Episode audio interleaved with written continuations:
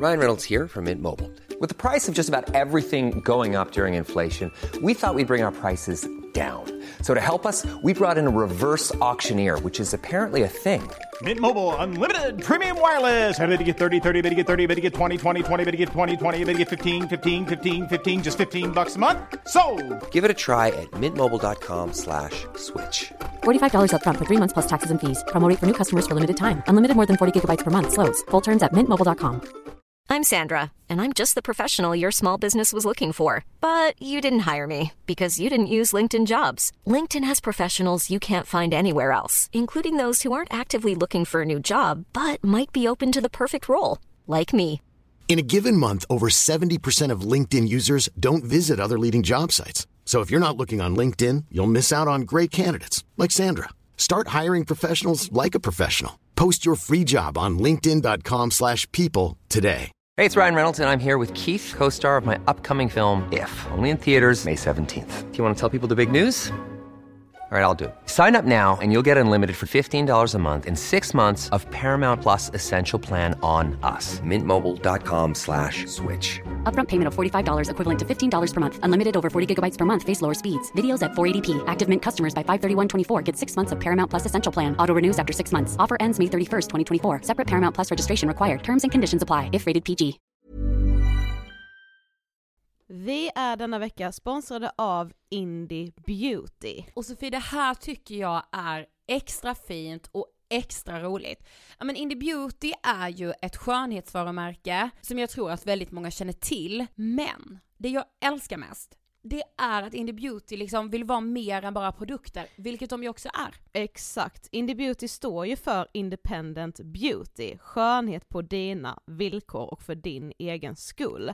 Och Indie Beauty tror ju stenhårt på ett alternativt skönhetsideal fritt från måsten, skam och känslor av otillräcklighet. Där är jag helt med Indie Beauty. Jag med. Det är så jag vill att skönhet ska vara. Ja men verkligen. Och vet du vad som är nytt för i år Sofie? Berätta. Från och med i år så skänker Indie Beauty 1% av sin försäljning till Suicide Zero, Tjejzonen och Djurens Rätt. Så när man handlar produkter från Indie Beauty så kan man liksom känna att man också ger tillbaka till samhället. Ja, kraften i tillsammans. Ska jag säga en sak nu då, Mm. som jag, det, men det är detta jag är extra glad över. Nu har Indie Beauty tagit fram en keps och den tycker jag ändå så på sommaren, skydda sig från solen, Jättebra, jag älskar kepsen. men det bästa, de bidrar till Suicide Zeros viktiga arbete för att minska antalet självmord och självmordsförsök. Så för varje såld keps så går hela vinsten, 100 kronor, direkt till Suicide Zero. Då kan man liksom göra nytta både för samhället och sin hud på en och samma gång. Ja, och kepsen kostar 169 men alltså hela vinsten går då som sagt till Suicide Zero. Så om man vill göra skillnad när man är där ute i solen, nu när den börjar titta fram, då ska man välja den här kepsen. Den säljs exklusivt på indiebeauty.se och på Apotea. Tillsammans kan vi skapa en ljusare framtid. Vi ses med kepsarna på! Tack Indie Beauty. Vi är sponsrade av Mindler och som ni säkert vet sedan tidigare så är vi ju ute på psykologresan tillsammans. Men hur vet man egentligen när det är dags att söka hjälp? Ibland uppstår saker i livet som kommer utmana oss och kännas tufft. Det mesta självläker vi oss igenom, för vi är menade att ta oss igenom en viss mängd påfrestningar. Men ibland behöver man professionell hjälp för att ta sig ur jobbiga perioder i livet. Men vart går då gränsen? Vad är en del av livets skavighet och när är det läge att söka hjälp? Det sägs till exempel att stress är farligt, men att det också kan vara bra. Alla sover dåligt ibland, så när har man egentligen sömnproblem? Ångesten kommer väl krypande för de flesta någon gång. Så när ska man se ångesten som outhärdlig? Hur vet jag? Med oss som psykolog har vi såklart min gamla psykolog Linnea Seidbrant. Men Linnea, vad är egentligen utmattningssyndrom? Utmattningssyndrom är en konsekvens av svår och långvarig stress utan möjlighet till återhämtning. Vi är ju då skapta för att klara av stress, men vi behöver också återhämtning. Om du utsätts för för mycket stress under en lång period utan att du får till den nödvändiga återhämtningen så kommer kroppen till slut att säga ifrån. Och det är faktiskt så att alla har en gräns.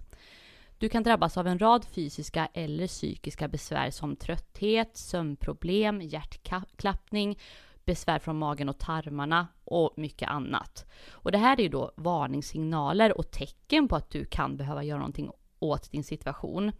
Annars så kan besvären utvecklas till att du mår så dåligt på sikt att du blir psykiskt och fysiskt utmattad.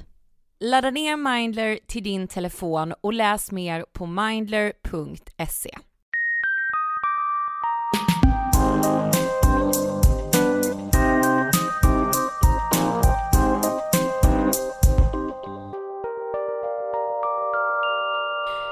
Hej allihopa och välkomna till avsnitt 353 av Ångestpodden! Hej! Jag, jag, måste börja, eller jag vill i alla fall börja det här avsnittet med att jag har varit väldigt eh, skakad senaste eh, dagarna efter att rapparen Einar eh, mördades eh, torsdagen förra veckan. Mm. Det känns så overkligt på något sätt.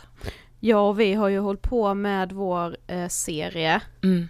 Som vi har hintat lite grann om, men som ju faktiskt börjar nästa vecka, som handlar om just gängkriminaliteten. Och det här har vi ju jobbat med sen i augusti i princip. Mm. Eh, och det har känts så jävla jävla viktigt att göra de här avsnitten och det känns ännu viktigare nu när vi har spelat in liksom hälften av dem. Mm. Eh, för det är så viktiga historier som måste upp till ytan, man måste prata om det här mer, det måste hända någonting. Ja. Men det, ja precis, jag vet inte, man har levt dels i de här frågorna och liksom så här levt med så många människor som vi har träffat som har berättat liksom sina erfarenheter av liksom de här nätverken, de här gängen som liksom styr i vissa områden, Mm. eh, som utsätter liksom familjer som lever i skräck. Eh, Ja man tänker liksom- väldigt mycket på alla anhöriga. Verkligen, och det, det, jag måste säga att jag har verkligen gjort det väldigt mycket. Alltså jag har tänkt mycket på Einas mamma, på hans flickvän, Mm. på de anhöriga som står runt omkring, men också på det här brutala våldet. Alltså en 19-årig pojke, en så fantastiskt begåvad musiker som liksom inte får fortsätta sitt liv. Det är så Mm. djupt sorgligt. Ja det är det verkligen. Alltså jag vet inte mer vad jag ska säga, jag är bara Ja, jag tycker att de avsnitten som vi kommer släppa nu är så otroligt viktiga. Eh, det blev liksom inte mindre viktigt nu när man också, när, när så många fick ett ansikte på det här gäng, de här liksom, Mm. ja men gängkriminaliteten. Ja precis. Sen så lider man ju såklart otroligt mycket med alla som har drabbats Självklart. av alla de här morden som har pågått i så många år. Jag såg en intervju på DN med två eh, åttaåringar tror jag de var, de var åtta och, eller någon var nog lite äldre men den, yngsta var det.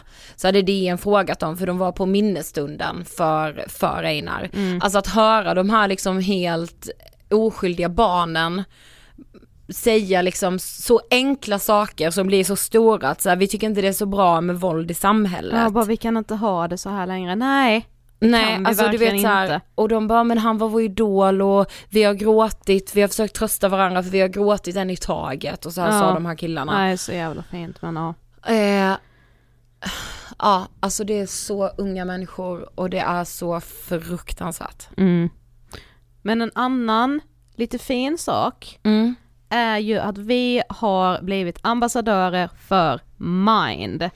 Ja, alltså också att vi blir de första ambassadörerna. Ja egentligen har ju vi varit självutnämnda ambassadörer sen vi typ startade Ångestpodden egentligen. Nej men alltså för mig var ju också detta så stort Sofie, för när min faster tog sitt liv så eh, uppmanade vi ju, du vet att man kan göra, som man kan göra på en begravning, att skänka pengar och då skänkte vi dem till Mind med tanke på Minds självmordslinje. Ja. Eh, och nej men du vet, alltså nu är vi ambassadörer. Ja, Det gåshudsstort för mig. det är det faktiskt, även för mig. Och jag vill ju bara återigen slå ett slag för självmordslinjen som alltså är 9101 som du kan ringa eller som du kan tipsa någon om som du vet mår väldigt, väldigt dåligt och som kanske lider av självmordstankar eh, och som bara behöver någon att prata med.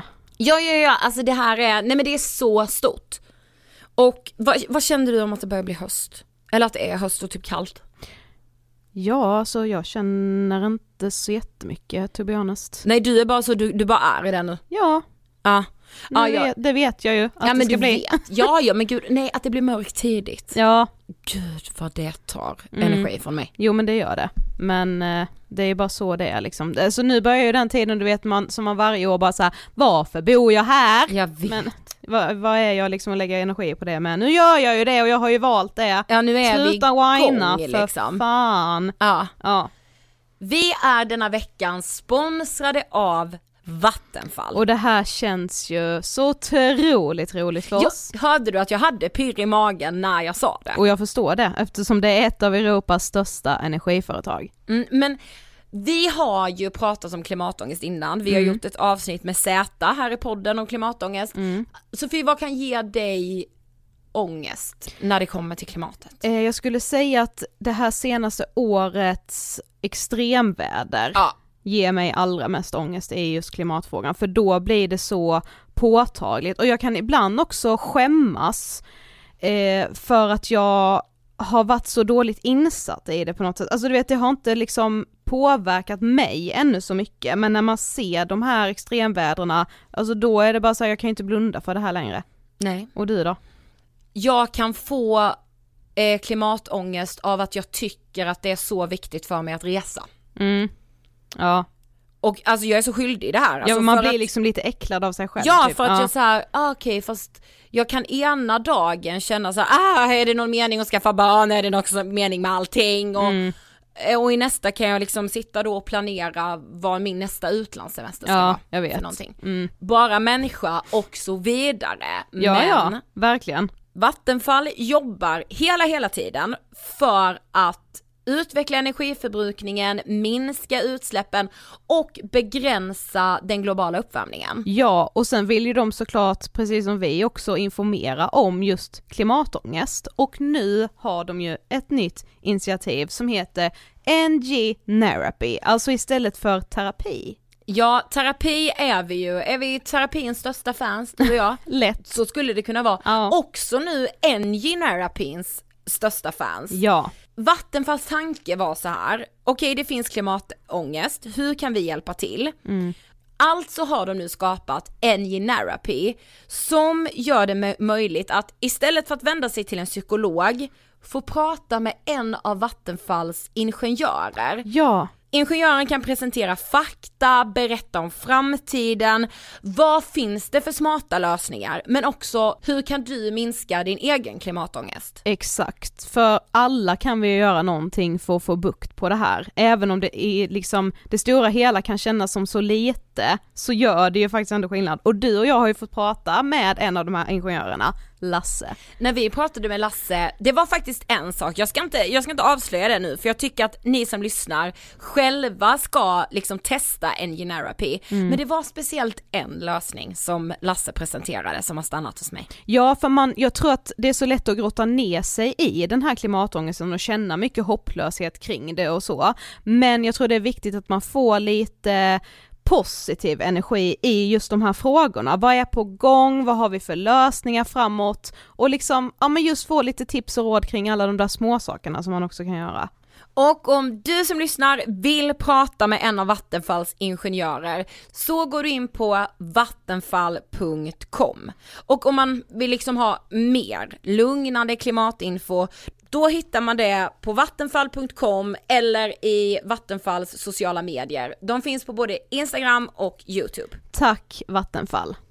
Vi är denna vecka sponsrade av Ellos. Och jag måste säga att dagens gäst och det vi liksom ska läsa från en lyssnare nu, alltså det känns som att allt det här hänger ihop så mycket. Ja, för som ni vet så har ju vi den lilla programpunkten The F-word tillsammans med Ellos, alltså the female word. Och den kom liksom till i vår frustration över att man så många gånger i sin vardag känner att man blir behandlad ja men helt olika mot vad en man blir behandlad. Ja, och ni har ju skickat in så otroligt mycket av, av era erfarenheter till oss, så jag tänker att idag ska jag läsa en liten erfarenhet som jag ju, jag tror att alla kvinnor kan skriva under på det här.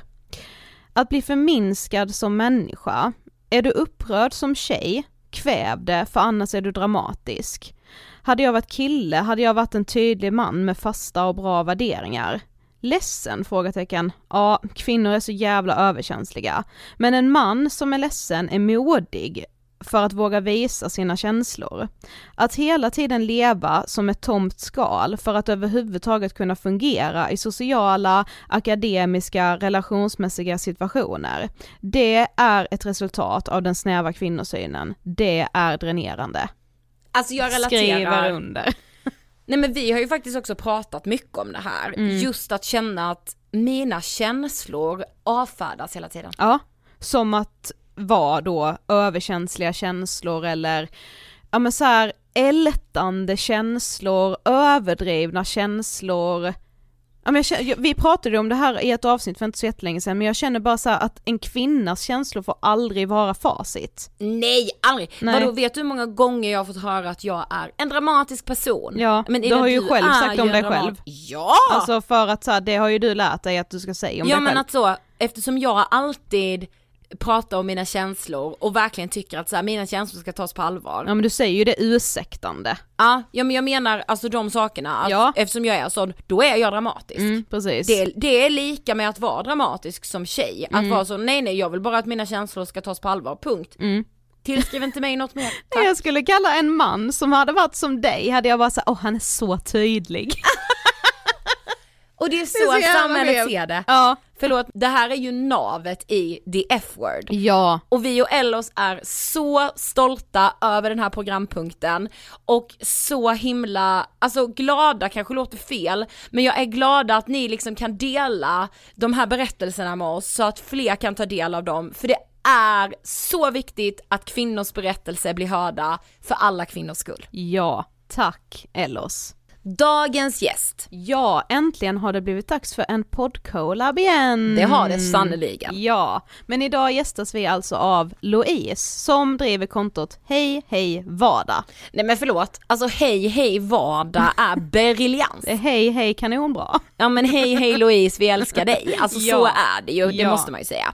Eh, Louise har ju själv podden Soffhäng med Hej hej vardag, som ni ska lyssna på sen såklart, om någon vecka. För då är vi med. Yes. Men idag är ju Louise med hos oss och vi vet att många av er har önskat det vi pratar om idag. Vi pratar nämligen om föräldraskap och Småbarnsliv. Ångest, ja, ångesten kring föräldraskapet. Ja och liksom småbarnsåren blir ju lite fokus. Eh, vi har ju liksom inte, vi är ju inte i närheten av det där. Nej, Så det kändes som att vi plockade in experthjälp när vi plockade in Louise. ja för man behöver ju prata om det här på ett eh, lite mer nyanserat sätt än vad man kanske brukar se i sociala medier. Förlåt men föräldraskapet känns som att det är så, okej vi måste tvätta bort allt som är jobbigt, dåligt, allt som skaver.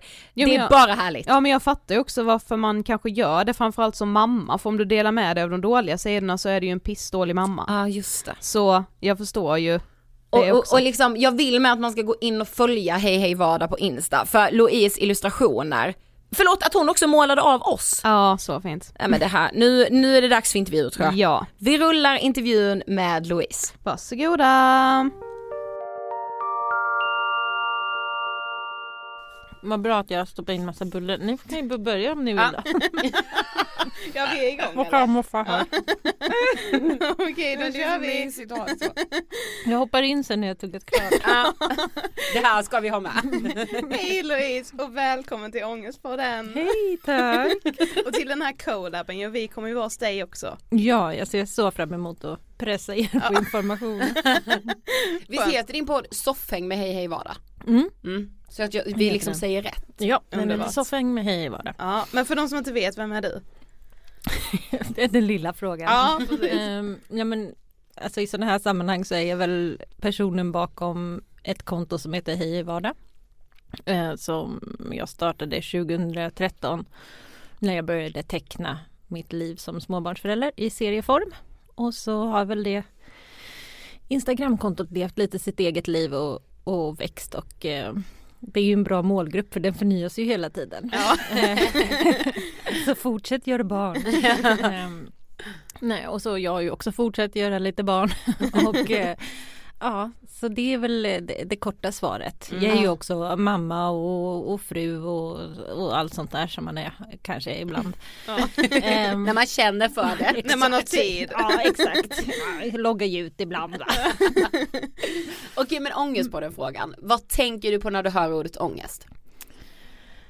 Eh, just nu tänker jag på det där diffusa skavet som man kan gå runt med. Det är, väl, det är väl antagligen för att det är min nej, första koppling för att den blir personlig liksom.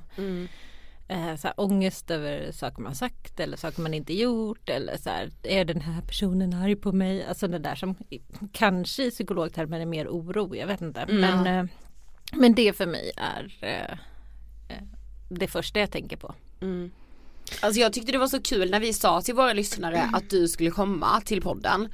För vi har inte pratat så mycket om så här föräldraliv, småbarn eftersom vi själva inte har varit där. Nej. Men vi insåg att det här vill våra lyssnare höra på och prata om. Ja. Men och det finns ju ingen enligt oss som speglar familjelivet så ärligt som du gör och det är sagt då utan att vi själva har barn så vi är inte riktigt inne i familjelivet ännu. Det kanske kommer någon gång. Men jag vet när du, alltså när du lägger upp är man så här jag känner typ att det blir en lättnad. Ja. Att jag bara så, ah, det behöver inte vara så polerat Ja. typ. Man blir Alltså, lite pepp av det liksom. ja. Ja och det är ju sådana, det är ju sådana som ska stanna på mitt konto. De som mår dåligt av det. För det har jag ju också fått. Det var ju någon som tweetade, den brukar lägga upp med jämna mellanrum. Det var ju någon som tweetade att kollar hej i vardag på Instagram, vill aldrig ha barn.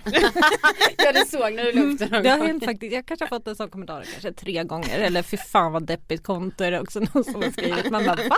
Det är jätteroligt konto. Jag, jag säger till mina barn att jag jobbar med att vara rolig så kommer någon och säger att jag är tråkig liksom. Deppig. Ja.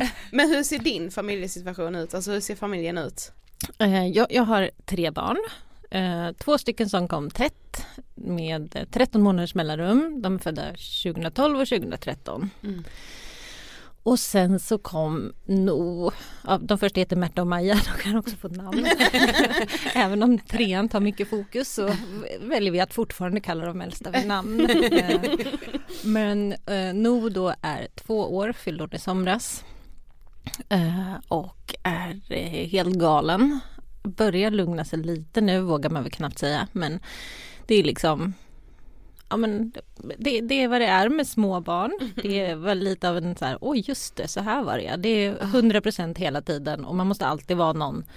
Vi hade ju kommit in i den liksom med så stora barn att man säger men jag går ut och springer och barnen är hemma till exempel. Ja, Eller jag åker bara och handlar några grejer. Nu är vi så här, okej jag gör det här, är du där, håller du på plats, håller du koll så här, jag tänkte gå ut och ta en drink, kan du lägga alla tre barn? Att det liksom nu är vi åt det där. Liksom, Ni måste på. projektleda Mm. allt. Ja. Ja, och det kanske var det min man inte var så här jättepepp på när jag pratade om trea. Medan jag bara bebis, bebis, bebis. Jag bara, Ja. sånt sug. Ja, så där är vi. Jag har en man också. Han träffar jag ibland. Ehm, ja, och vi bor i ett hus i Älta. Men nu sa du så här, åh bebis, bebis, bebis. Alltså hur var dina graviditeter? Har de sett, varit liknande varandra? Mm, ja, de har nog varit ganska lika faktiskt. Sista var lite tuffare fysiskt. Mm. Tyckte jag nog och det har nog med ålder att göra. Ja. Skulle jag tro. Och att det är en tredje graviditet. Mm. De säger ju att kroppen är liksom som en nybörjare igen när man har eh, när det har gått så långt emellan. Aha. Eh, för det var väl då sex år mellan Maja och No. Så i alla fall när det gäller förlossningen så säger de att man kan liksom inte glida på att det har sluppit ut två förut. Utan nu blir det som en första förlossning. Man kan nog tycka att det var lite så faktiskt. Men hade, har du liksom haft jobbiga graviditeter eller har det ändå liksom, ditt vardagsliv har funkat? Eller? Ja det har absolut. Ja. Alltså jag har inte haft jobbiga. Jag har haft eh, absolut det här som jag tyckte var psykiskt påfrestande. Det här lill, lite diffusa illamåendet som jag hade i typ de där första, det gick över liksom efter typ tolfte veckan eller vad det är. Men att det är så här, det är ganska psykiskt nedbrytande. Jag är ju så här väldigt matglad person och så blir man så här, "Åh, de här, den här maten är jätteäcklig och man mår typ så här dåligt när man tänker på viss mat och man ska gå runt och mår lite illa hela tiden. Det är verkligen så här jag hade en kompis som gick igenom en cancerbehandling samtidigt och hon gick också runt och mådde illa Ah. hela tiden och vi hade ju helt olika anledningar till det. Ja. Hennes var ju jobbig och min var ju trevlig. Men det var ändå så här att vi typ kunde så förstå varandra. Att Mm. Det här är faktiskt inte kul att gå runt och må illa hela tiden. Och då tänker man ju såklart på de som mår svinilla och kräks Ja. hela tiden. Det Ja. är så här, Åh, fy fasen vad knäckande. Och jag tror inte att, jag tänkte verkligen på det att gud det här kan man nog inte riktigt förstå hur psykiskt jobbigt det kan vara. Nej. Och gå runt och må illa. Att inget känns här riktigt kul för att man hela tiden mår Ja exakt. illa. Och hur mycket Ja. energi det tar Ja. från liksom. Och så är man ju jätte, jättetrött. Ja. Mm. Eh, på ett sätt som man, vilket i och för sig är rätt skönt. För man bara så här, eller jag gjorde det. Jag bara, nej men jag måste gå och lägga mig. Jag är för trött. Ja. att så här, på, på det sättet så tyckte jag också väldigt mycket om att vara gravid. För att man så här, nej men nu är det jag som lyder kroppen. Inte kroppen som lyder mig. Nej. Att det är så här, okej jag får lyssna in och jag får liksom, i och med att jag hade också ganska lätta graviditeter Mm. så var det säkert att så här, okej nu får jag den här signalen, nu är det jag som lyssnar på den. Ja. Mm. Men vi läste en, en intervju med dig där du beskrev att du var alltså mycket mer orolig i din tredje graviditet. Alltså Mm. för att du eh, det, hade gått så bra med dina två första barn så att det var som att du liksom typ ja men planterade katastroftankar Mm. inför det tredje. Ja men jag är ju oroligt lagd. Så jag var ju liksom Plus en. Det känns som jag är i bra sällskap. Ja, är Ehm, nummer två hann jag liksom inte oroa mig när jag var gravid. Eh, för att jag hade ju en bebis då Ja, liksom, just att ta hand om. Och det var ganska skönt. Mm. Men med första var jag ju orolig. Men jag skulle nog säga att jag med tredje var mer orolig. Jag var äldre. Jag började tänka på sådana saker. Det är större risk när man är äldre och sådär. Och då eftersom jag då är oroligt lagd så tänkte jag att ja men nu kommer det ju gå fel. Det har gått bra två gånger. Ja, Var, varför liksom, varför skulle jag ha tur utma- tre Ja, gånger? och utmana ödet. Skulle man ha en tre för då? Liksom. Ja. Ja, sånt där. Det tänker jag ju fortfarande. Att liksom, det är inte, det, andas ut ganska, jag tycker det är skönt att ha barnet på utsidan för då kan man ha koll. Annars på slutet av graviditeten då ska man ju som gravid känna efter och se till att du har känt ditt barn. Ja just det. För är det minskade rörelser så ska man åka in. Alltså den, man bara det är mig det hänger på. Ah. Alltså, den är sån Just det här ansvaret, jag tror att det var också så här chock med att bli förälder. Att var så här, Gud nu hänger det här livet på mig. Ja men också när man får en sån konkret uppgift som är att så här, om det rör sig mindre ska du åka in. Vad är en mindre rörelse? Hur ska jag veta Åh, vad som, alltså det var ju samma som när liksom corona kom och bara så här, vad är skav i halsen? Jag har alltid skav i halsen, jag har ingen jävla exakt. aning. Alltså, hur ska man dra de gränserna? Ja och sen så här, eh, det kan vara att rörelserna är lite mindre än vanligt. Så bara, alltså det är inte så här från 100 till 0 direkt. Nej. Nej. ja. Och så är man igång en hel dag och så är man van vid att det rör sig. Men vänta nu har det rört sig idag. Mm. För om man inte, ni vet hur det är. Mm. Låste jag dörren? Ja precis. Alltså, ja. Det är så mycket som är så här, det bara Mm. sker. Eh, så den, ja, den är jobbig. Mm. Så då tyckte jag det var på det sättet skönare att ha det på utsidan. Men jag hade ju också, ska jag ju erkänna då, i början med mitt första barn så gick jag och tänkte så här, om vi gör en typ av vaktsystem så att vi är vakna i skift, Mm. då kan vi övervaka bebisen dygnet runt. Ja. Eh, för att om hon slutar andas så kommer vi tycka att det var värt den här Ja, sömnbristen som Mm. kommer uppstå genom att vi är vakna dygnet runt. Ja. Så någonstans i mig så var det lite så här ändå en logisk tanke och min kompis som jag ändå sa det här till fast jag fattade att det var lite freakigt. Hon var så här Ja nej det är ju inte hållbart. nej men ändå. Det skulle ju Ah. vara värt det om det liksom hände ja något. precis. Mm. Ja, så det jag var väl inte stensoft när de kom ut heller om man säger så. Men typ den här oron, alltså pratade du om den typ med en barnmorska eller liksom vågade du adressera den och säga att du var orolig? Mm, alltså man får ju fylla i ett sånt där formulär. Hur Ja. mår du liksom? Och då nu tredje gången så sa hon att ja men du har ju ändå några sådana här frågor som ändå är lite, för jag kör ju helt ärligt då Ja. förstås. Men sen beror det ju på vilket humör man är på den. Jag bara, Ja, men har jag varit så ledsen? Ja, Nej, men det ha. Vem är jag att klaga? Alltså det beror på vad man jämför med. Ja, ja, ja. De är ju svåra de där. Men hon var ändå så här, ja men du får Du får väl säga till om du behöver prata med någon. Och, ehm, och det är jag ju ändå relativt bra på för jag har ju gått i terapi många gånger. Så Mm. jag tänker att jag skulle fånga upp mig själv även om det kanske skulle behöva gå lite för långt. Mm. Men med första sa jag till eh, barnmorskan att jag, för hon frågade ju så här, tidigare sjukdomar och bla bla bla Ja, och då var jag så här, men jag har eh, gått i terapi några gånger, så här, några omgångar. Sen i journalen efter att jag hade fött Märta så stod det så här psykvård. Stod det så jag bara och jag, alltså det, det är också ganska intressant för jag fick sån här, jag bara nej det här får Alltså, inte bli- stå ah, i min journal. Det var så skam. Jag Ja. bara, som att jag har varit inlagd på psyk, som att det nu skulle vara. Men det säger ju rätt mycket om så här, Ja, normer men exakt, och, och då blir man så. Ja. inte i min journal. Nej precis, jag tycker det är helt okej med alla som har varit på psyke. Det är jätteviktigt att söka hjälp. Ja, men jag... Nej. Så jag försökte, jag pratade med henne efteråt och försökte se om hon kunde stryka det. För jag vill inte att det ska, jag tänkte Märta läser sin journal när hon blir stor och så ser hon psykvård. Så. Eh, och hon bara, ja nej det går inte att stryka efterhand. Och det här är ju för att vi ska kunna fånga upp. Eh, om du nu har varit, mått dåligt och gått i terapi så är det här, för, för oss är det, det är inte psykvård utan att man fått psykologisk hjälp på något sätt. Ja, precis.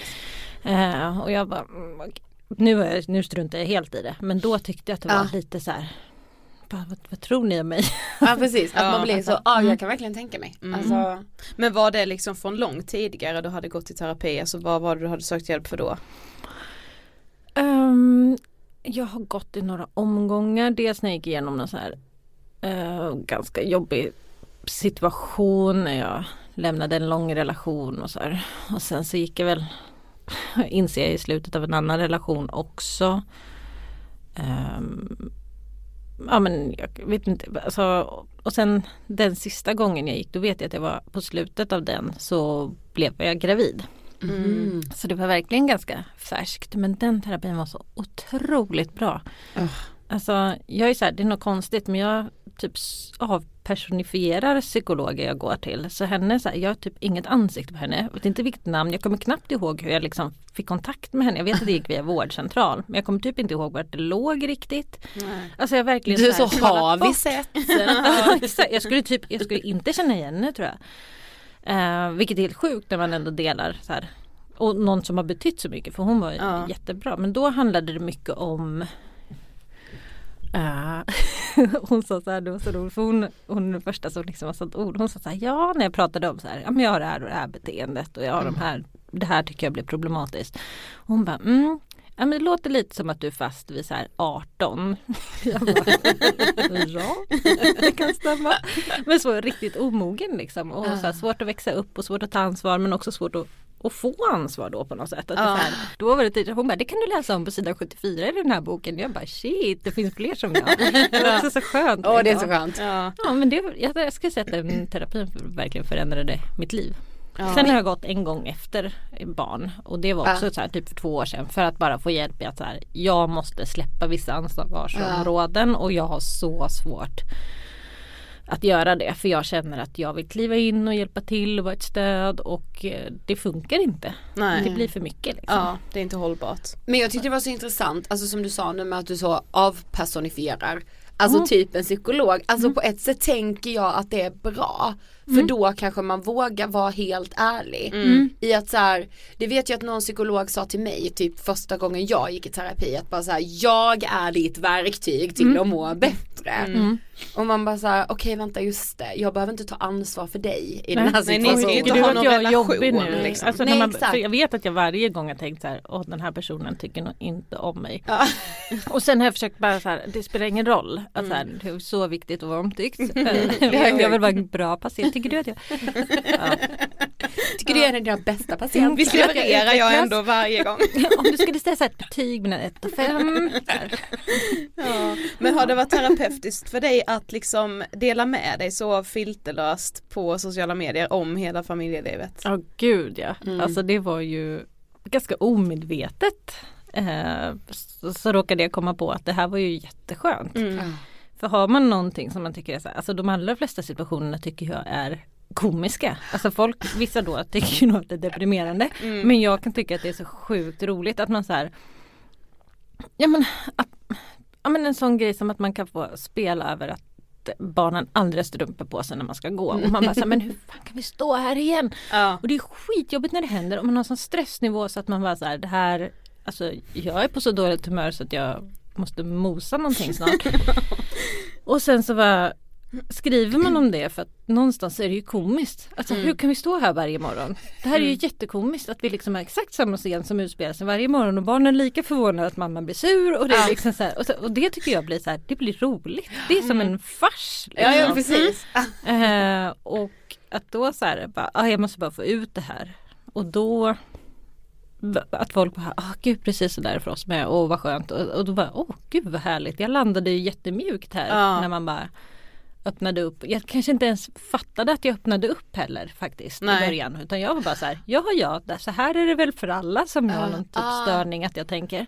eh, alla har det väl likadant som jag. Och så, och så visade det sig att det var rätt många som hade det. Ja. Ja, alltså alla har det säkert så men alla är ju inte bra på att liksom visa upp det. Nej. Nej, för att det är ju prestation i allt. Exakt. Och då blir det prestation i det där och är man en god mor så ska man inte få spel varje morgon Nej, när barnen ska ut genom dörren. Jag känner mig inte som en bra mamma de gångerna. Det gör Nej. jag verkligen inte. För att jag är så här, Louise du kan inte bli så här arg för de här sakerna och du måste samla ihop dig. Men det gör jag inte. Nej. Men alltså det är så sjukt att inte ha barn och se så här mammalivet eller liksom barnlivet på sociala medier. Alltså det är så glorifierat. Alltså jag kan tänka så här, men va? Alltså kommer, kommer det komma till med att jag kommer ha så vit linneskjorta, bra inredning och duktiga Alltså, barn? vitt kan man ju inte ha på sig. Nej. Men jag kan inte ha vitt på mig, ja nu har jag det idag bara för det. Men den Jag kommer ju vara smutsig innan lunch, det vet jag. Alltså, Nej, så det är ju bara, det är ju fake, det vet man direkt. ja. Nej men sen så är det ju, alltså grejen med eh, småbarnslivet är ju att det finns, alltså det är så överväldigande, alltså även för mig var det väldigt överväldigande kärleksmässigt. Alltså det är, No nu som är så här svinjobbig, hon är så rolig. Alltså jag skrattar så mycket, det gjorde jag med de andra barnen också Ja. när de var i den här rollen. Alltså jag skrattar så mycket varje dag och det är så sjukt roligt så jag skulle absolut kunna bara berätta om de delarna. Mm. Men det skulle vara ganska ointressant känner jag. Mm. Alltså för det är så här, "Ja, idag gjorde, sa nog alla Märtas klasskompisars namn, det var jättegulligt. Mm. Alltså, Mm. Inte jätteintressant för folk att höra. Men för mig kan jag ringa till mamma och pappa och spela upp videon Ja. och liksom Ja sådana saker. Men eh, så, så det har väl mer varit en sån här grej. Bara, jag, jag, återigen min den här, ja det här händer ju alla. Men det här är ju mycket roligare att prata om. Mm. Alltså, så jag tror att alla som vill lägga upp de där grejerna är ju för att man drabbas av den där kärleken och hur roliga de är och hur fantastiskt det är och liksom eh, och, då vill man ju precis som när man har bakat bullar en gång om året så vill man ju bara shit kolla jag har bakat Ja, exakt. snygga dessutom. Har absolut lagt upp de bullarna, det har jag. Jag är så glad för Insta stories för där kan jag lägga upp allt sånt. Bara kolla jag bakade bullar. Eh, Så, så jag fattar att man har den att man säger oj det här vill jag lägga upp för det var en stark känsla eller just de där bullarna. Planning for your next trip? Elevate your travel style with Quince. Quince has all the jet setting essentials you'll want for your next getaway, like European linen, premium luggage options, buttery soft Italian leather bags, and so much more. And is all priced at 50 to 80% less than similar brands. Plus, Quince only works with factories that use safe and ethical manufacturing practices. Pack your bags with high-quality essentials you'll be wearing for vacations to come with Quince. Go to quince.com slash pack for free shipping and 365-day returns. A lot can happen in three years, like a chatbot may be your new best friend. But what won't change? Needing health insurance. United Healthcare Tri Term Medical Plans, underwritten by Golden Rule Insurance Company, offer flexible, budget friendly coverage that lasts nearly three years in some states. Learn more at uh1.com. Hiring for your small business? If you're not looking for professionals on LinkedIn, you're looking in the wrong place. That's like looking for your car keys in a fish tank. LinkedIn helps you hire professionals you can't find anywhere else, even those who aren't actively searching for a new job but might be open to the perfect role. In a given month, over 70% of LinkedIn users don't even visit other leading job sites. So start looking in the right place. With LinkedIn, you can hire professionals like a professional. Post your free job on linkedin.com slash people today. Stark Mm. känsla. Ehm, så, så det är väl det man gör och sen så blir det helt ofiltrerat och eller tvärtom blir helt filtrerat och utvalt och liksom Plötsligt så har man dessutom byggt upp en bild som man ska leva upp till. Ja. Ja, Om man alltså, håller på med det där och matar och man bara åh nej nu har jag inte den där nu är ju min skjorta skrynklig och lite fläckig. Mm. Ja men kan du känna att du också, alltså kanske innan du startade ditt konto eller så här, alltså saknade du den platsen på sociala medier i att så här Visst då, alltså Alltså jag, jag var ju typ ingenting på sociala medier då. Nej. Jag hade till och med avslutat mitt Facebook-konto. Nej. Jo, och startade Går upp. det? Jag hörde att det var så jättesvårt att göra sig av med sitt Facebook-konto om man väl har ett Alltså konto. jag, är inte, jag har inte försökt leta upp mitt gamla men jag gjorde mig av och då försvann ju allting på det och Ja. sånt. Ehm, så jag är jätteglad för det för jag var ju så skör i början. Och sen började jag med det här så det här blev liksom mitt nu började jag lite sociala medier och, och Instagram 2013 var Nej, liksom, ja, det var inte så här. Eh, det var liksom att folk testade filter och la upp Ja, Ja, en man kaffekopp. Ja, men man jag trodde ju det var ett fotoalbum där man Ja. bara redigerade sina egna bilder. Jag Ja. fattade inte att folk skulle kolla Nej, på det. jag Oj nu ramlade en hjärta. Men vad är det? Jag har lagt upp så fyra olika selfies, Ja. typ så från studenten. för detta kom ju när vi tog studenten, Ja, samma år kom Insta. Ja det var ju Ja, mer som ja. en redigeringsapp. Ja. Ja, det var det man Ja. tänkte. Ja. Och jag vet att min kompis hörde av sig och bara du den här appen finns, kan vi inte lägga upp bilder där så kan man få ta del av varandras liksom, Ja. barn och sånt. Så att vi skulle ha det som en liten sån, som en familjechatt fast Ja. med en kompis. Så. eh, så det var ju liksom ehm, jag, hade, jag påverkades inte så mycket. Sen blev ju det mer och mer men då hade jag ju byggt upp mitt eget och blivit ganska stärkt i eh, att vara ärlig liksom. Eh, Eh, så jag, men jag tror att jag hade mått superdåligt. För att jag, det var ju många saker som jag inte fattade att folk tyckte var fel förrän flera år senare. Att jag så här Jaha, de tyckte inte jag skulle lämna Märta på förskolan när jag var hemma på, med Maja. Utan det är tydligen så ett fel man gör och så här, folk kan, man kan få kritik för det. Och jag var mer så här, hur kan jag maxa tiden för Märta på förskolan så jag kan hänga hemma med Maja och få det lite lugnt. Ja. Alltså jag hade ingen tanke på det. Jag bara, ja man får vara där vad det nu var 40 till 30 timmar eller vad det var. Det var mycket i alla fall vet jag. Så jag bara, ja ah, men Och då märkte du alltså, oj. Nej men jag gjorde ju inte det eftersom jag inte hade det där än. Och sen, Aha, du för menar- det- ja. Maja var ju ett halvår sedan eh, när jag började med det här och Mm. jag var ganska anonym och valde vissa ut, utvalda saker. Så det, det tog lång tid innan jag förstod att jaha, då, de kanske har tyckt att jag varit helt knäpp så här på förskolan, att jag så här maxat tiden och liksom varit Ja, Nej, så att, det, det var många saker som jag inte fattade vilket var jätteskönt. Ja. Eh, för annars hade jag mått så dåligt. Good old days. Men, men vad tänker du, alltså rent generellt hur liksom föräldraskap skildras på sociala medier?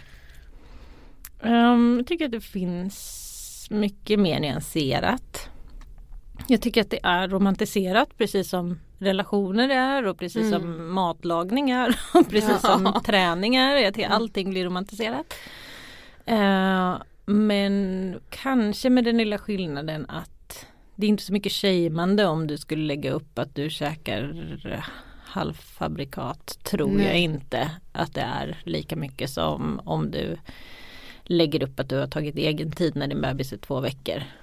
Alltså det är ju, mammor är ju på något sätt allas egendom tänkte jag säga, det kanske inte så man säger. Men Nej men, alla- men alla slagpåsar liksom. Ja, alla ska få tycka till. Alla har en åsikt.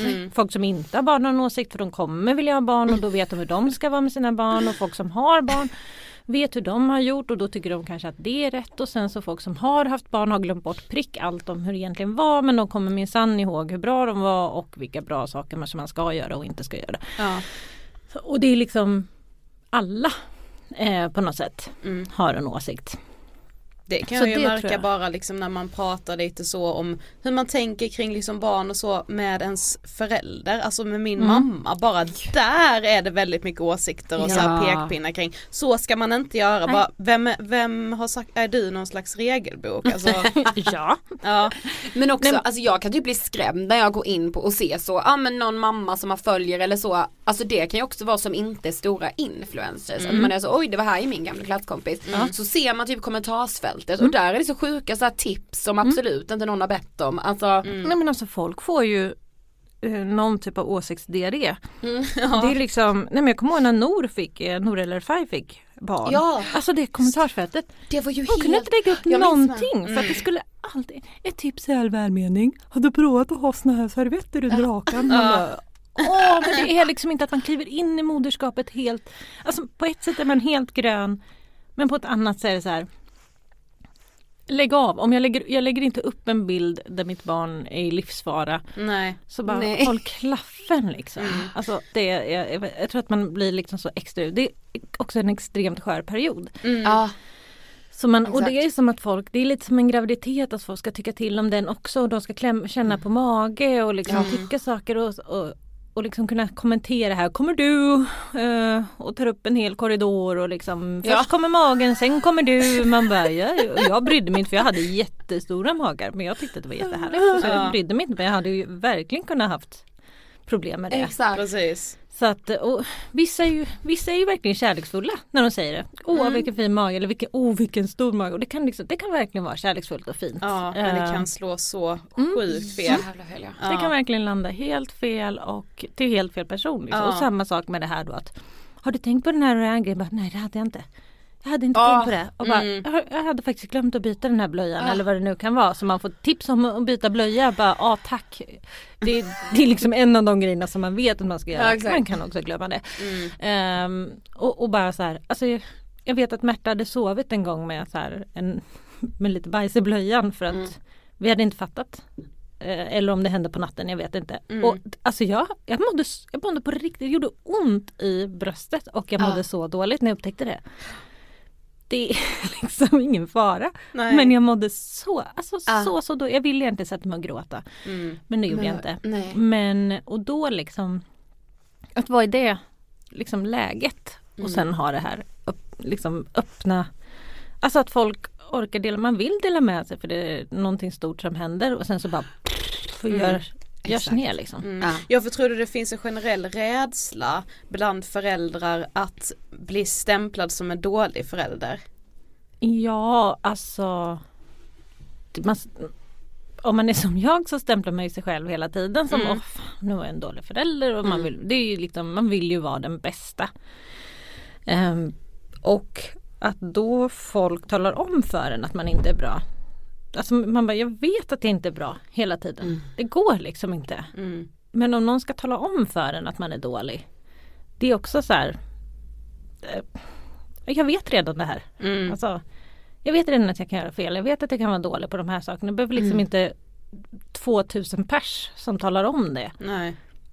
Men det är så jävla, alltså jag fattar inte hur liksom föräldraskapet blir så allmän egendom. i sociala- Alltså just det här tips. Det är Men helt... inte bara i sociala medier, det känns som att det är så liksom Ja, överallt. Ja, På stan. Att man Ja, alltså, så, så grejen är ska komma med tips Mm, jag är i fikarummet. lite sån själv. jag älskar att komma med tips.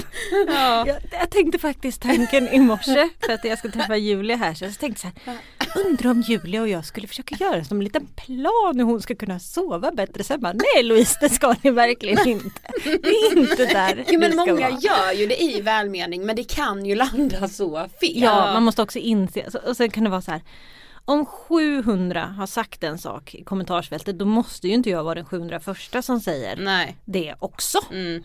Alltså man, bara, man kan faktiskt bemöda sig att scrolla lite kommentarer innan man tipsar om att barn ska inte kolla på skärm innan två år. Ja, ja just det. Eh, men det känns ju också liksom utan att vara mammor, varken jag eller Sofie, som att så här, mammor får ju otroligt mycket mer pekpinnar än pappor. ja, gud ja. Håller Eh. du med? Men vad tänker du? ja, vad tänker du Louise? men jag tänker dels så här, att inte pappor blir mer provocerade när de får beröm för att de typ drar en barnvagn eller byter en blöja. Fy fan vad jag hade pratat, men vad tror du om mig? Exakt. Jag hade blivit så irriterad. Och sen att det är så här. Alltså man kan testa, vi höll på att smsa med Julia en gång för att i en artikel så stod det så här att han var en engagerad familjefar. Mm. Men det, Julia bara så här där det stått. Hon var en engagerad familjemor. alltså det är så här. eh, Det, det är typ, för det ska man bara förutsätta. Exakt. Men här måste man poängtera då att en pappa brydde sig om sin familj. Mm. Bara, ja, Och han var Okej. så duktig mamman, här- ja, mamman hon brydde sig om sin familj. Då skulle man ju bara så här, "I- ja. Exakt. Ja. Alltså, då, då skulle man ju typ tro att hon inte gjorde det Ja, om man skrev det rakt ut. Man har inte ens Ehm. hört ordet familjemor. Nej, Alltså, men va? det var jättekonstigt att säga det. Alltså, Ja. Familjefar har man ju hört. Exakt. Mm.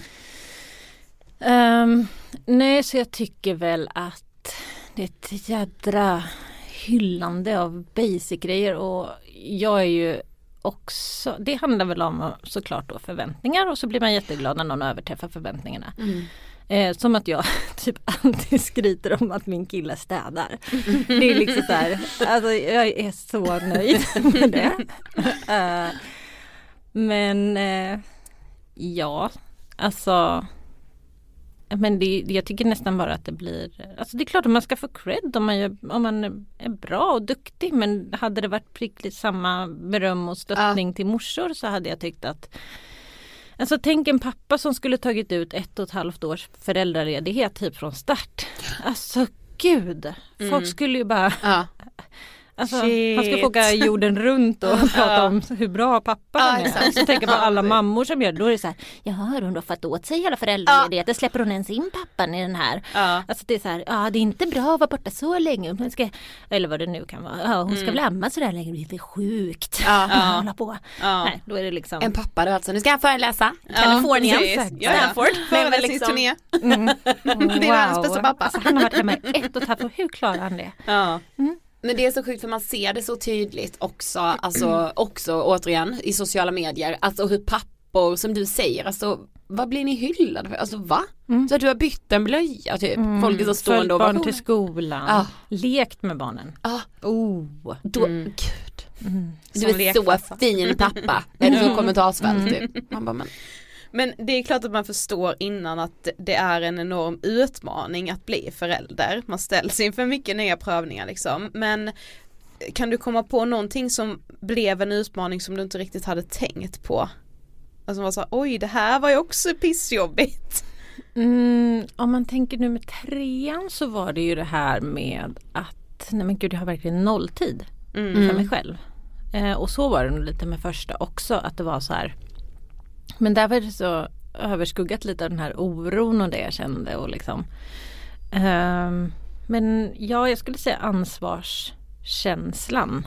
Och så här, alltså, och den släpper ju liksom inte. Jag är så nu med så här en min äldsta som är så här på vägen att bli lite tweenie och liksom är borta hela tiden med kompisar. Jag ser henne typ aldrig och jag bara känner så här "Gud, Jag håller på att tappa greppet. Ska, vad ska jag liksom Kommer hon försvinna från mig nu? Och liksom, eh, jag tänker ja, hela ansvarsgrejen. Hur skapar jag, hur liksom skapar jag förutsättningar för att hon ska bli så trygg som möjligt nu om hon ska ta nästa steg ut och bli mer självständig. Liksom. Ehm, så den grejen, jag trodde liksom att det kanske skulle kännas mer bara som något naturligt. Mm. Men det är ju sånt jag tänker på jätte- jättemycket. Och sen så trodde jag eh, att uppfostran skulle vara mycket mer, man kanske inte säger uppfostran men ja, ni vet vad jag menar då. Eh, är, skulle vara mycket mer så här någonting att vi som mamma och pappa skulle så här prata ihop oss mer och komma överens och kanske ha lite mer strategier. Och det är ju liksom Ja men det går ju 120 allting. Vi hinner ju inte prata igenom. Vi, vi hinner säga så här. Vi måste prata med barnen om pengar. Så här, för att eh, det, det är så här. Oj nu börjar de be om pengar till olika saker. Vi måste ha det snacket. Bara, du kan ha det med Märta när du går till skolan med henne imorgon. Så kan jag ta det med Maja ikväll. Alltså det är väldigt sådär. Och så Ja, det var något mer vi sa att vi skulle prata om nu också som jag var så här, jag bara, vi måste se, jo stämningen i familjen. Det, det är liksom väldigt så här mycket tjafs och jag är så ovan. Mattias har en tvillingbrorsa, han är jättevan. Eh, jag är helt ovan för jag var sladdis. Så jag liksom, jag bara, kan inte ha den här tonen till varandra. Liksom, det funkar inte, vi kan inte hålla på. Vi måste ha ett snack. Mattias bara, det är mycket snack vi ska ha nu. Men sådana, jag, jag tror att det var lite chock att det är så liksom pågående. Ja. Och hela, hela tiden, alltså det tar verkligen upp. Jag skulle säga att det tar upp allt. Jag kan få lite så här, men gud jag måste få, nu lägger sig barnen jättesent dessutom för att de börjar bli större. Så jag, bara, jag måste få 10 minuter för mig själv. Mm. Alltså har jag vabbat en dag så har jag haft noll minuter för mig själv. Ja. Eh, det är en Det liten är en utmaning. Ja. Ja. Men det var många som skrev till oss också som vi med har tänkt på och som känns så här, som en lite naiv tanke men att liksom när man blir förälder att man då ska släppa, så här, då finally kommer jag släppa all utseendehets, all liksom, alla normer. Och det var många som skrev det så här, men gör man det typ, eller jag tänker mycket på så här utseendehets, att det inte är lika centralt när man blir förälder. Alltså vad tänker du? För mig var det ganska mycket så Mm. faktiskt. Jag blev så, också så impad av kroppen när jag var gravid och födde barn och tyckte liksom att Ja men ni vet den här wow kroppen är så fascinerande som alla nyförlösta lägger upp. Mm, ja. Bara, mm, din och alla andra. Så här, så liksom man- men, men det, är, det var verkligen så för mig och jag kände att jag jag bryr mig inte om hur det ser ut. Det här är liksom funktion. Ja. Eh, och det höll i sig ganska länge, alltså flera flera år. Att jag så här, såg kroppen som första hand funktion. Mm. Sen började det här utseendehetsen krypa på. Eh, och det var inte riktigt samma sak med tredje graviditeten. Alltså det, det sitter ändå i lite tycker jag. Mm. Men man har plötsligt ett ansvar att vara en god förebild. Mm, Och då menar jag inte som influencer som ska vara så goda förebilder utan faktiskt för sina barn. Jag har ju tre tjejer. Mm. Eh, jag vill inte att de ska höra någonting om vikt. Jag, vet inte, jag vill inte att de ska, det gör de ju i alla fall. Alltså, Mm, alla Mm. tv-program de tittar på så är det smala tjejer. Eh, så att jag menar vi kommer inte undan det alls. Nej. Men jag vill att de ska se vanliga kroppar. Jag vill att de ska höra att det är okej att vara tjock. Eh, även om det, de känner få som är tjocka. För Mm. att det är inte jättemånga tjocka i deras omgivning till exempel. Nej. Men det är så här. Eh, det är okej att vara tjock. Det är aldrig okej att kommentera hur någon ser ut. Eh, folk ser olika ut. Eh, ja, så jag vill på något sätt ha en så här, aldrig till exempel ladda någonting som har med mat att göra. Jag är typ så här att jag inte ens vågar säga att vi kan inte äta för mycket socker. för jag vill inte skapa en issue kring det men ändå sipprar det igenom. För jag bara, vi kan inte äta. O'boy och sylt varje morgon. Jag vet inte, det här känns ändå inte rätt. Mm. Då kan man alltid fokusera på tänder. Och hål i dem. Men ja, så så jobbar jag ju. För jag är ju liksom uppväxt som många andra med så här att det ska bantas och det ska vara minimjölk och det ska vara lightprodukter och det ska vara Mm. eh, vägas och det ska vara gå upp ett, några små kilon och nu har jag blivit tjock och vem har blivit tjock och att det är så här, nu- oj nu har vi ätit så mycket hela julen så nu måste alla banta, alltså hela det här som bara Just det. Mm. Pågår. Alltså, ja, och det var också en sån där när man själv tar ett kliv bort från det. Bara, shit, det är överallt hela tiden. Mm. Alltså hela, och det är ju nu också, det är ju ingen skillnad. Alltså, Nej. nu är det, bara, det är bara andra ord för det. Precis, nu är det bara ja. förklätt i hälsa och liksom. Ja, det- Jävla hälsa alltså. Ja. Men jag tror vi har berättat det för dig men vi hade ju en som berättade för oss att hon jobbade på förskola och att barnen sa såhär jag vill inte äta vitt bröd för det är inte bra. På en förskola, alltså då fick jag panik. Mm. Men tänker du mycket på liksom hur din relation till dig själv skulle kunna prägla dina döttrar? Alltså typ hur du liksom, ja men ser på dig själv i Ja, spegeln eller verkligen. hur du pratar om dig själv. Ja, ja, det tänker jag på jätte- jättemycket. Ja. Och också att jag och Mattias blir liksom som deras första bild av en relation. Mm. Det tänker jag också jättemycket och det stressar mig massor för att vi har ju såklart, det har jag ju insett nu att våra föräldrar var ju också människor när de Mm. var föräldrar. Det har jag ju absolut inte fattat innan jag typ Nej, de mamma. var ju bara Alltså, föräldrar. Ja, alltså att de skulle ha så egna issues eller tjafsa om saker. Alltså det, här, det är klart att mina föräldrar bråkade dessutom jättelite så jag hade liksom ingen så här, nej men jag trodde typ inte att de för mig var det så här, jag bara men gud det är klart att deras liv fortsätter, att de funderade över karriärsval och Mm. liksom allt sånt. För det har jag ju tänkt, bara gud men jag har inte tid med någonting. Så bara, så här var det nog för mamma och pappa till del också. Bara, Ja. Shit, insikt. Nej men så att vi, att vi är så här, vi är deras förebild. jag, blev, eh, jag blir verkligen den eh, kvinnoförebilden då som de ska och, och Mattias blir den manliga förebilden. Mm. Som jag absolut inte kan påverka heller. Eh, och vi blir liksom hur den första kärleksrelation som de får liksom följa. Mm. Eh, det tänker jag rätt mycket på. Mm. Att så här, vad skapar man för? Och jag menar vi kan inte göra så jättemycket åt det mer än att såklart försöka Mm, om vi har bråkat ska vi visa att man blir sams. Mm, Eh, men det är okej att bråka. Alltså vi, ja, vi har ju också våra bagage liksom. Ja, som man ju har som ja. människa. Mm. Så att, Ja. ehm, ja den grejen tänker jag mycket på. Mm. Vi tänker att vi ska ta några lyssnarfrågor. Mm. En lyssnare skriver har en 13 månaders och BF i november. Oroar mig för hur vår första kommer må när vi blir fyra i familjen. Tips. I november då kommer alltså barnet vara 13, alltså typ 14 månader då. Ja exakt. Ja. Ehm, jag hade ju 13 månader mellan mina och jag tycker det var jättebra. eh, vår första var så väldigt framåt och lärde sig prata tidigt Mm. och var sådär. Men hon märkte ju typ inte att hon blev stora. Så det blev ingen så chock. Nej. För att hon var så uppe i sitt och de var Ja. inte riktigt, alltså de är inte helt hundra medvetna om omgivningen. Det var så här, plötsligt var det en bebis där liksom. Mm. Och hon, nej.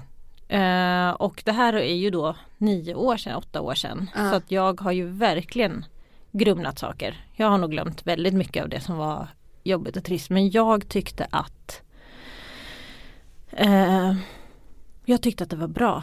Hon var så pass liten. Så att det blev inget och sen i Sverige är det ju en sån supernorm att det ska vara typ två, två och ett halvt år emellan. Ja. Eh, och då läste jag saker när jag blev gravid där med tvåan och fick ju panik för att det var så dåligt att få tätt. Och sen så läste jag en amerikansk forskning som var så här under ett år eller över fyra år är det bästa för då hinner barnet få Mm. den uppmärksamhet det behöver eller så kommer det så pass fort så att man inte behöver och då bestämde jag mig för att 13 månader det är som ett år. Ja. Eh, så, så då finns det ju något i det att så här, okej de kommer bli som tvillingar, de blir ihopklumpade Ja. på det sättet. Mm. Och ehm, det, det jag hört från kompisar som har lite mer det är ju att det barnet som är lite större har andra krav och liksom eh, när den blir syskon att den kan bli svartsjuk och sådana där grejer och, och, och går igenom en massa saker. Som man kanske faktiskt slipper när de Ja. är så små. Så det är väl Precis. mitt svar. Ja. Eh, någon annan skriver, hur upplever du att mammarollen har förändrats genom dina barns ålder? Mm, ja men det går ju från det här liksom Se till att de är mätta och rena och Eller rena, det var ju verkligen överdrift. typ Det är de har- aldrig. Nej exakt. Men se till att de är mätta, okej hygieniskt skick. Eh, och eh, ja men allt det där man har i början, f- försöka sova och, och liksom bara se till att de här basic grejerna går runt på något sätt. Mm. Till att prata om så här hur är man en schysst kompis Mm. och hur ska du hantera det här när du tyckte de var taskiga Mm. och hur ska man hantera det här när du är rädd för de här sakerna och Mm. liksom Ja men verkligen så här på mycket mer psykologiskt Ja. plan när de blir Just det. större. Mm. Att det är nej, men oro som man ska hantera som man kanske själv har och liksom, Ja. fast nu har barnen det och då måste man liksom inte komma med 200 lösningar Mm. utan liksom försöka vara lite mer lyssna och ja, vad ska jag agera på inte. Alltså det är mycket det är mycket mer komplicerade saker och det kan jag tänka mig att tonårsföräldrar sitter och fnissar åt att jag tycker att det är jobbigt nu, du ska bara veta hur det sen. Och ja, jag fattar att det inte kommer vara lätt. Mm. Eh, men jag kan inte förstå hur det kommer vara. Men Nej. Mm. Ja, jag sa det till Mattias att nu, ju, nu börjar ju åldern också när de tycker att allt man gör är fel. Man ska serva dem och man Ja. är värdelös. Och jag bara, jag kommer ha så svårt med den här åldern för att jag är ju så kritikkänslig. Vad taskig du är mot mig. Herregud, mina barn. Är det också så att de känner att du är pinsam nu? Mm, det börjar komma ja, lite det börjar, sånt. mm. Vilket jag och Mattias har tyckt varit skitkul för vi bara vi ska vara så pinsamma. Så här, göra funny walks nu, vi lämnar dem i skolan och sånt. Men det är så här, jag trodde att det skulle vara roligare men de är så här, sluta mamma. Alltså Ja. det är liksom inte kul på ens här, Nej. inte ens lite fniss. Det har verkligen gått över från att vara lite så här, sluta mamma. Så tycker jag att det är lite kul. Nu bara så här, sluta. Alltså man ser paniken liksom. Då vill man inte riktigt vara pinsam med mamma. Så man är lite sugen. Ja. Okej, en skriver också så här. Vad tänker du kring att ska man våga skaffa barn med tanke på gener för psykisk ohälsa? Ja, alltså jag tänker att det händer ju jättemycket i vården. Jag tänker att jag var jätteorolig när jag var barn. Jag kan minnas Mm. liksom oro. Och att mina föräldrar hade ingen aning om det. För jag sa ingenting om det. De har alltid varit såhär, åh det var så glatt litet barn. liksom. eh, och att det är en jätteskillnad nu hur jag pratar med mina barn. Och att ett av mina barn har redan fått gå och prata med en terapeut. Från en sån här superbasilskräck som påverkade, Mm. gjorde att hon liksom typ inte vågade gå till skolan och sådana här grejer. Mm. Det vet jag inte hur man hade, det kanske man hade hanterat på vår tid också men för, för hon är det ju ingen så skam. Hon bara Min terapeut bla bla bla. Så här pratade liksom, hon, som en doktor som Så allt bra. annat. Hon Ja. bara, ah, det sa, berättade för sina kompisar, så sa min terapeut att hon minsann Ja. blev torkad med disktrasa i facet när hon var liten. alltså så, sådana saker, det är liksom helt oladdat och jag tänker att där tror jag att det är en annan värld Ja. som barn föds in i Mm. som blir bättre och Mm. bättre skulle jag tro. Och så snappar man väl upp saker, vet man om att Jag visste till exempel att jag var väldigt orolig av mig och inte kände att jag pratade om den. Den höll Mm. jättemycket inombords och då försöker jag skapa andra förutsättningar. Och jag kommer ju göra hundra fel, jag kommer ju pressa dem på saker och sånt där för att de ska prata när de kanske egentligen bara ville vara tysta. Mm. Ehm, men jag tror ändå att det blir ett annat klimat. Ja Eh, det tror faktiskt jag med. 100%. Det känns ju hoppfullt liksom. Ja faktiskt. Mm. Okej då har vi kommit till sista frågan här men vi kommer ju fortsätta diskutera typ Ja. ish de här frågorna i din podd också. Eh, men vad inspirerar dig? barnen.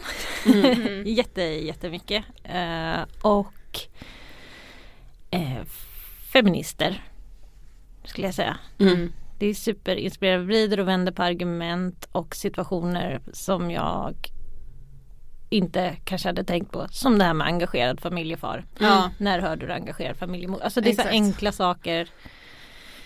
Sånt inspirerar mig att liksom försöka krossa lite grann Ja. normer och eh, liksom förutfattade meningar. Mm. Tack så jättemycket för att du ville gästa Ångestpodden. Tack! Gud vad kul det var, vad skönt att vi ska prata vidare. Ja.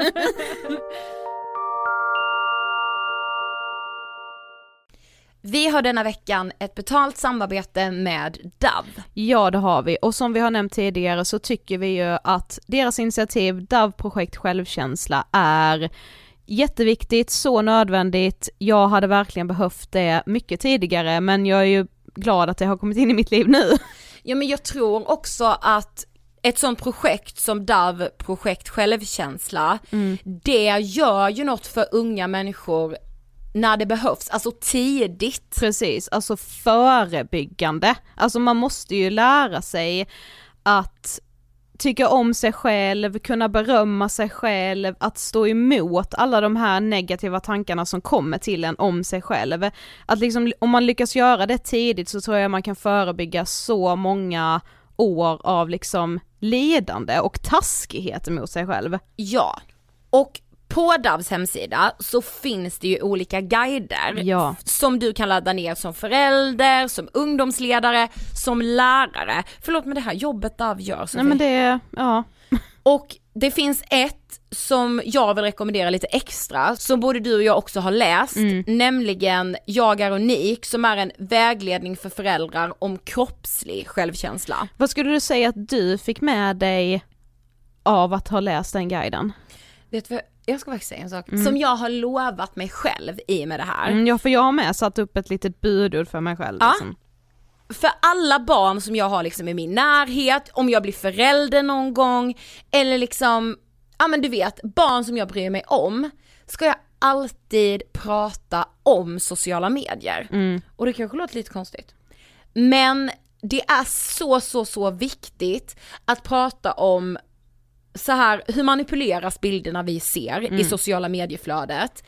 Att kunna vara kritisk när man kollar på olika medier och att inte försöka ska jag säga, för detta håller jag ju på med. Ja. Men hur liksom skadlig jämförelsen kan vara, att jämföra sig med den lilla bilden, för det idealet som skapas i en sociala medier-app, det är helt ouppnåeligt. Det ska jag alltid påminna barn i min närhet om. Ja jag tänker med så här, för det jag har tagit med mig är ju också om hur jag liksom ska prata om vissa saker inför barn och så. Men alltså sorgligt nog så behöver jag ju liksom sätta upp de här reglerna för mig själv även för att jag, Samma. jag glömmer ju bort det här hela tiden. Ja. Ja. det, jag hör ju vad du säger nu om sociala medier men ändå blir jag ju påverkad negativt Exakt. av alla filter och allting sånt. Men det jag tog med mig är just det här med att man inte ska lägga sitt värde i sitt utseende, vilket jag gör titt som tätt, Verkligen. väldigt ofta.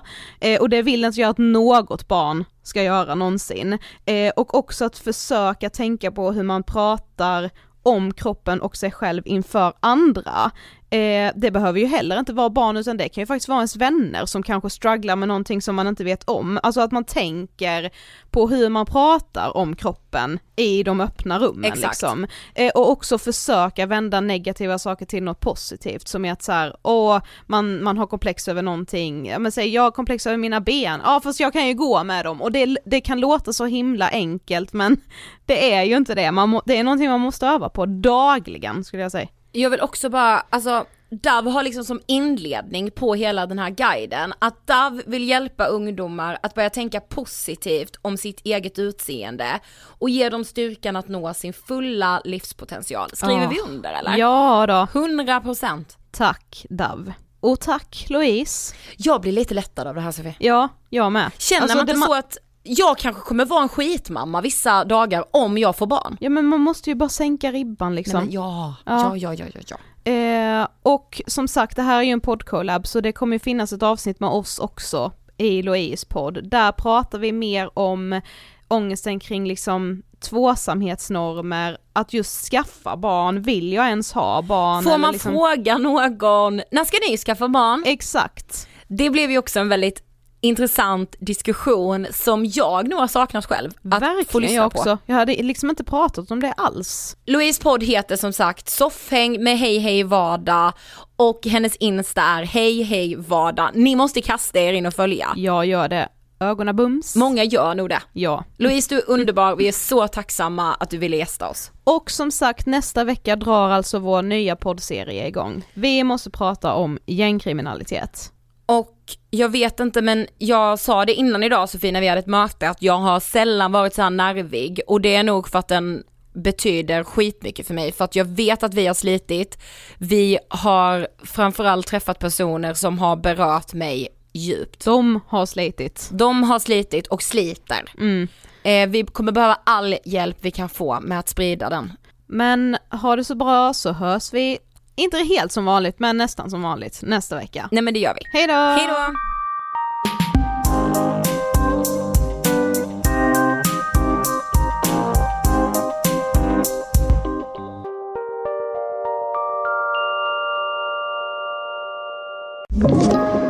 Podplay.